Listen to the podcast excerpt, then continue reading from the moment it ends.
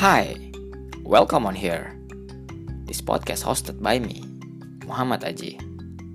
On it, just talking about what I want to talk. This talk sometimes makes you happy, sad, restless, annoyed, and unclear. So, whatever that talk, hear me.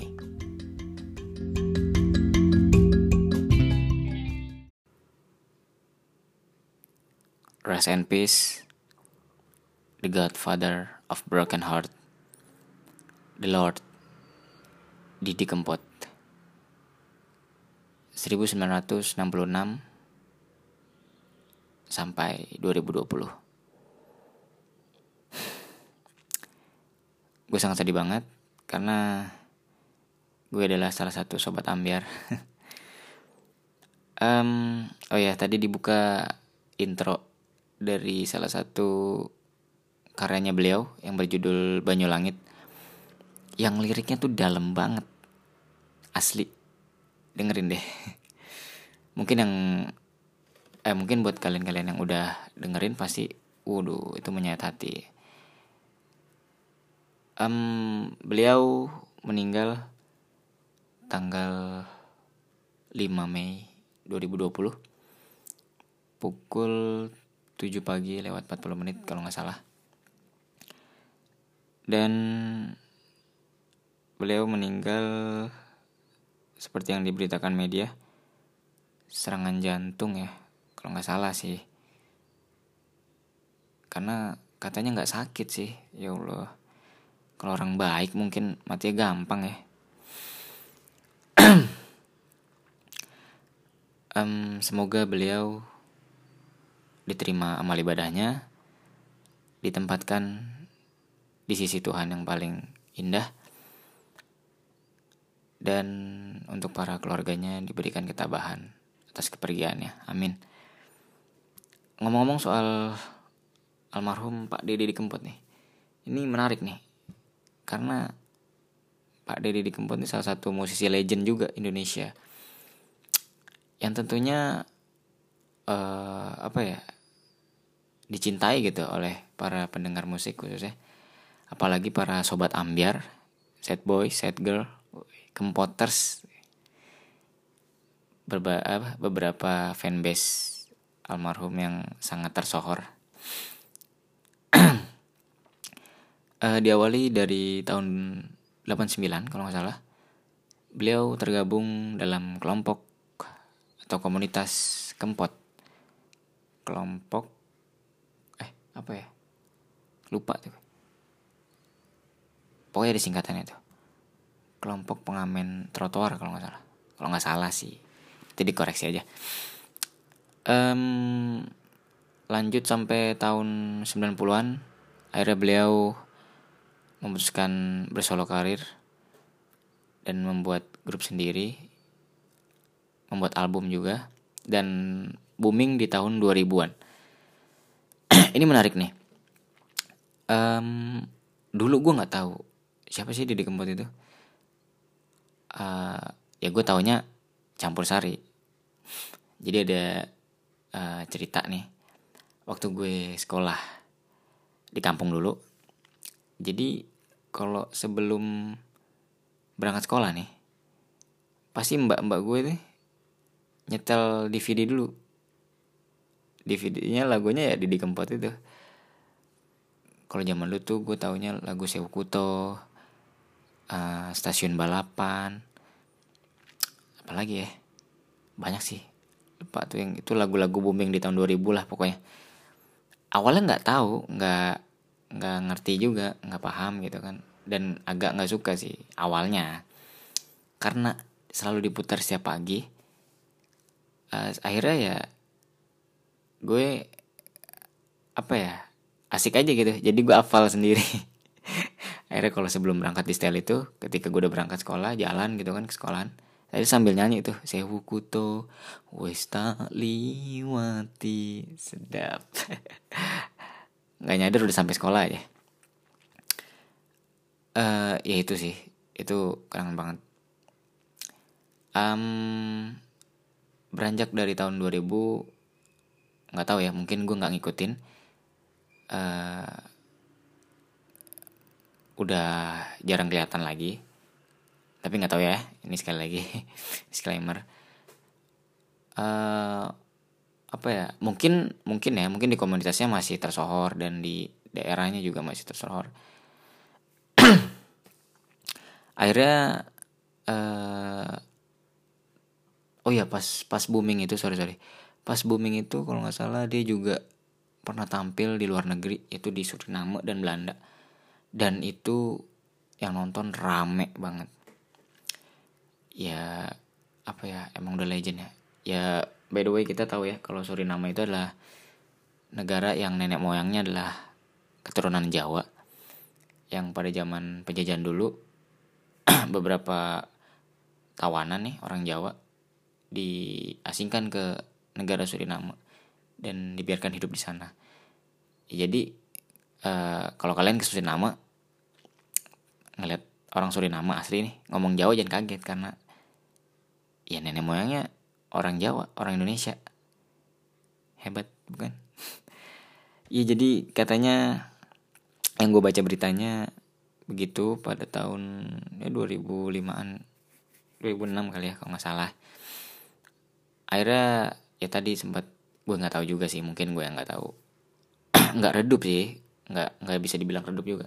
Mungkin dia mungkin dia masih tersohor di kelompok atau komunitasnya dan fanbase nya kali. Um, akhirnya pada tahun 2019 tahun kemarin uh, meledak lagi nih sempat meledak lagi. Mungkin ya mungkin ini uh, asumsi gue pribadi aja. Kalau gue sih ngerasanya dari di covernya lagu Pamer Bojo oleh Via Valen. Via Valen atau Nela Karisma ya? Ya mereka lah kali.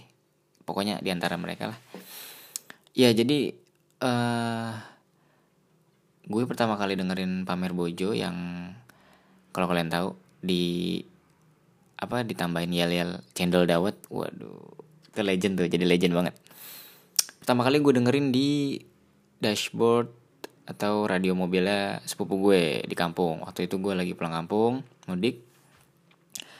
Uh, nemenin dia jalan-jalan ceritanya ya kan. Ada yang nyetel lagu itu.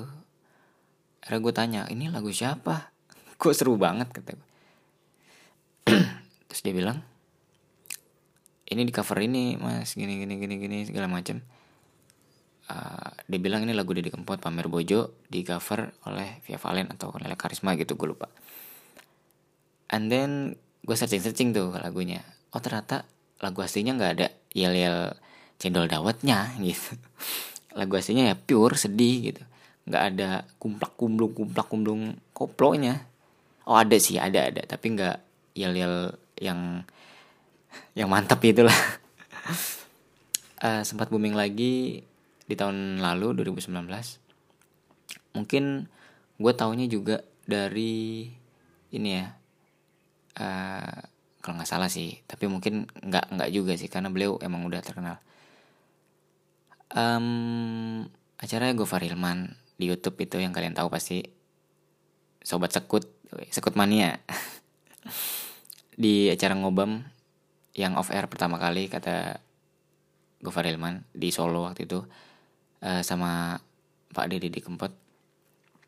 Dan itu rame banget sih gue nonton itu rame banget gila. Katanya sih sampai 1500 orang.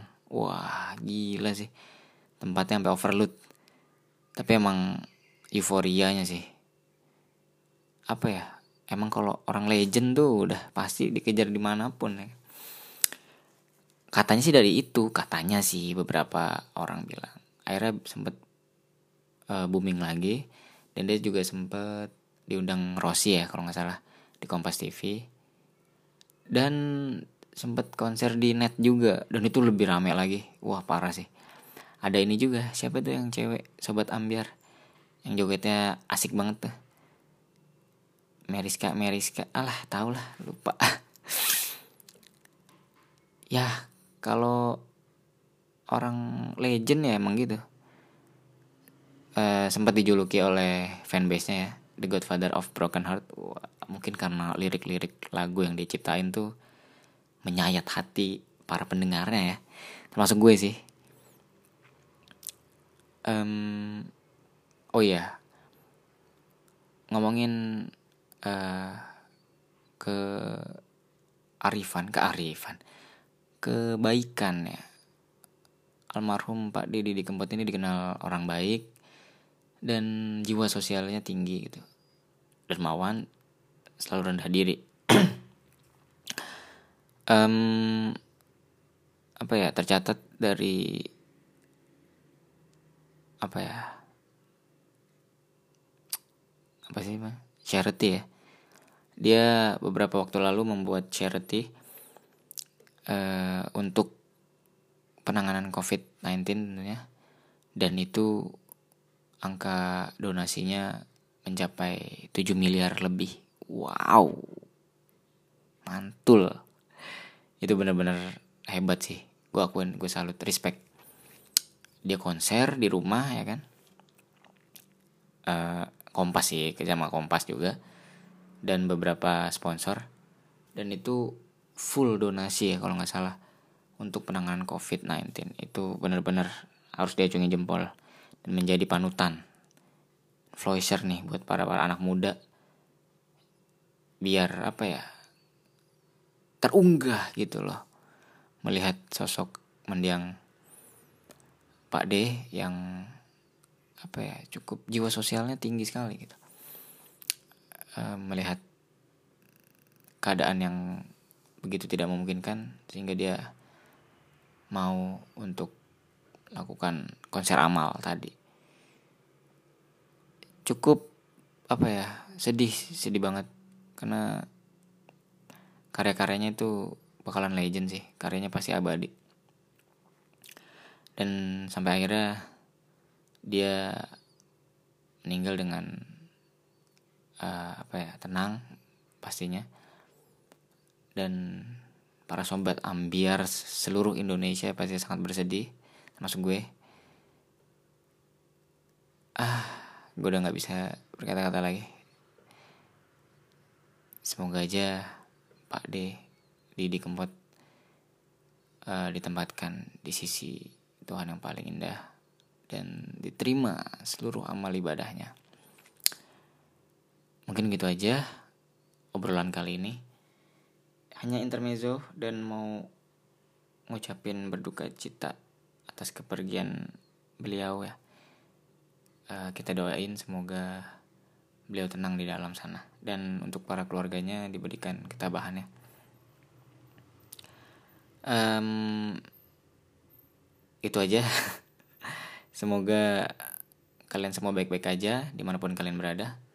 Tetap jaga kesehatan cuci tangan uh, sehabis melakukan aktivitas dan jangan ke mana-mana dulu. Kalau itu nggak penting-penting amat Sekian dari gue. Ciao.